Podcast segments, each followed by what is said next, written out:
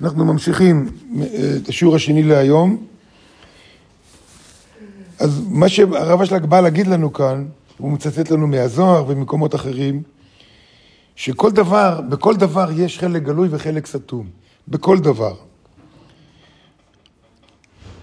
אמ, וטרם אבוא בביאור דבריהם הודיעך כלל גדול שגדרו לנו רבותינו ז"ל על כל השמות הקדושים והכינויים הנמצאים בספרים. כל שם, יש יעקב, יש ישראל, וכל מיני שמות שקיימים בתורה, למעשה כל מילה בתורה. אמרו ז"ל, וזה לשונם, והוא מצטט, כל מה שלא נשיג, לא נגדירהו בשם. כל מה שלא נשיג, כל מה שאני לא מסוגל להבין, או לראות, או לשמוע, מה שאני לא משיג, אני לא יכול לתת לו שם. לא יכול לתת לו שם.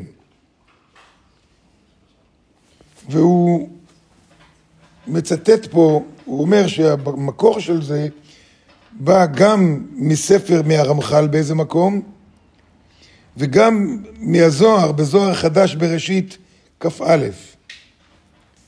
והוא מסביר, הוא מסביר גם כן בפנים מהירות ומסבירות, בתלמוד עשר ספירות, הוא כותב כי כל שם וכינוי יורה על גדרו של ההשגה. אתה נותן שם לשולחן, ואתה נותן לו שם כי השם מסביר לך מה זה. ואתה תופס מה זה, ולכן יכול לתת לו שם.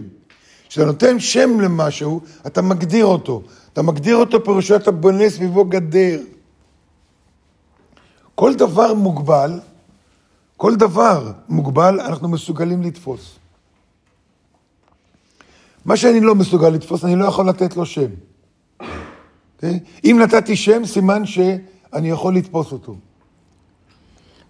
זאת אומרת, אפילו השמות של הבורא, הבורא, אנחנו אומרים שהוא אינסופי, נכון? אבל יש לו כל מיני שמות.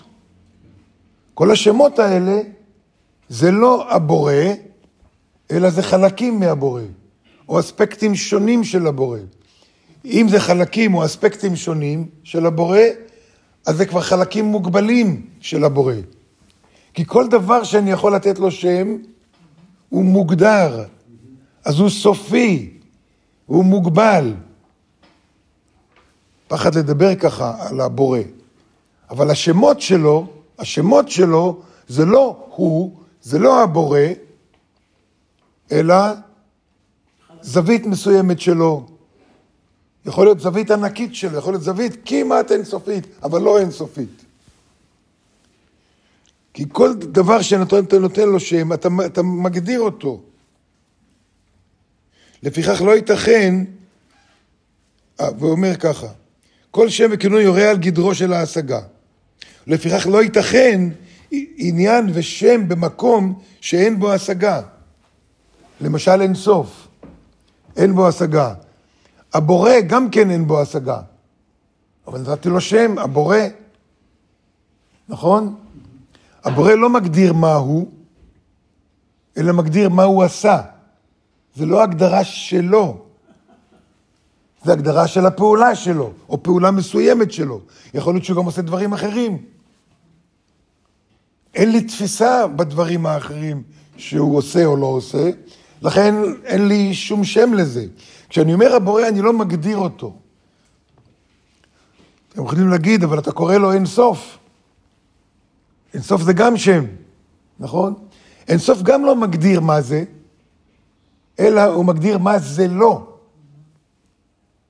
מה זה לא אני יודע, זה אני יכול לתפוס. סוף אני יודע מה זה?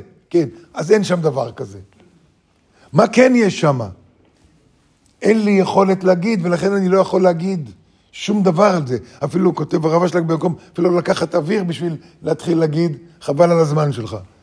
אין שום יכולת. ברגע שנתת שם למשהו, זאת אומרת, זה דבר מוגדר שאתה יכול לתפוס אותו, או להשיג אותו.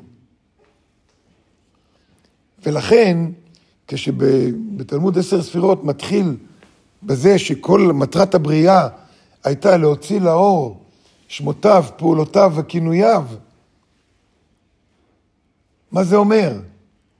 זה אומר שהבורא רוצה שאנחנו נכיר אותו, על להכיר אותו בשלמות אי אפשר, כי אנחנו מוגבלים, יש לנו גוף, ומעצם ההגדרה הגוף הוא מוגבל, אז אנחנו לא יכולים להכיר אותו בשלמותו, אבל כן להכיר פעולות שלו, עבודות שלו, תכונות שלו, כן, לדברים האלה יש שם.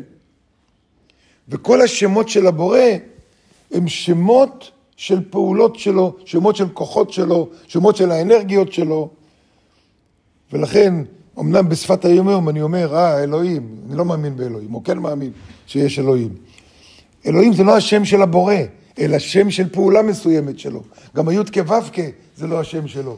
גם אל שדי וכל השמות כולם. זה לא הוא. זה לא הוא.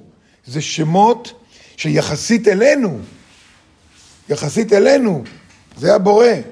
כמו שהשמש, יחסית אלינו, זה כמות אנרגיה בלתי נתפסת בכלל. אין, אין יכולת בכלל לתפוס את כמות האנרגיה שיש בשמש, נכון?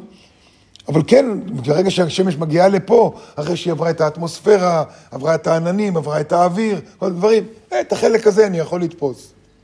ככה עם הבורא, אותו דבר. ככה עם הבורא. וכמו שהשמש מתגלה, בורא רוצה גם כן לגלות את עצמו. אז לכן, עכשיו השאלה פה, עולה פה השאלה, איך יכול להיות שהתורה והקדוש ברוך הוא וישראל זה אחד? לכאורה דברים מתמיהים מאוד, הוא אומר. דברים מתמיהים מאוד. הוא כותב במקום אחר, הרב אשלג, חכמי הקבלה שמים יד לפה במקום הזה, שמגיע אל, אל הבורא. שמים יד לפה, ואפילו שם פשוט אינם נותנים לו. כי כל מה שלא נשיג, לא נוכל לגדרהו בשם ומילה. כל שם מורה על מהות מסוימת, כלומר מוגדרת. כל שם. כי המילה מראה תחילת ההשגה של משהו. כל שם וכל מילה מראה על תחילה של השגה. ואין סוף, אנחנו לא מגדירים מה זה, אלא מגדירים מה זה לא. מה זה לא אני יכול כן להבין, מה זה כן אני לא יכול להבין. וכל העניין הוא שהוא אומר, אבל בכל אופן, הבורא והקדוש ברוך הוא בישראל זה דברים מוגדרים, הם אחד. הם אחד. איך זה יכול להיות אחד? איך אנחנו יכולים להבין את זה? אז בזה ניכנס לזה בימים הקרובים. Ça pour.